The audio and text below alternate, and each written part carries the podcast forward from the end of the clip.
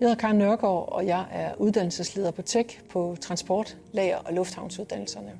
Og jeg har arbejdet som uddannelsesleder i Erhvervsskolen i mange år. Hvis du bliver ansat som faglærer på TEK, kan du forvente, at vi møder dig med glæde og åbenhed. Du kommer med en helt aktuel faglig viden og en faglig autoritet, der gør dig til en uvurderlig rollemodel for eleverne.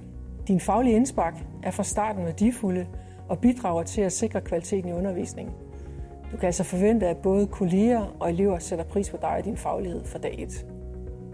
Du bliver ansat i et team, som samarbejder om at planlægge undervisningen, og du kommer først til at undervise dit eget hold, når du er parat til det.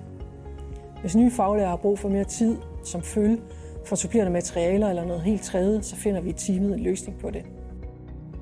Du får en indføring i det pædagogiske arbejde ved at være følge med en anden faglærer og, og ved at spare med dit team du får også øh, tilknyttet en pædagogisk vejleder, og du kommer på introkurser sammen med andre nyansatte faglærer. Og det er her, du lærer om tekst øh, pædagogiske værktøjskasse, og du lærer øh, at bruge din faglige viden øh, til at planlægge og afvikle din egen undervisning. I løbet af din første år som faglærer på TEK, der kommer du til at tage en erhvervspædagogisk diplomuddannelse, som bygger oven på din faglighed og din viden. En fordom, eller mere en bekymring, jeg ofte støder på, er, at faglærer tror, at de skal være orakler eller omvandrede leksikoner. De er samtidig bange for, at der opstår spørgsmål i undervisningen, som de ikke kan svare på. Men som faglærer er din rolle ikke at vide alt.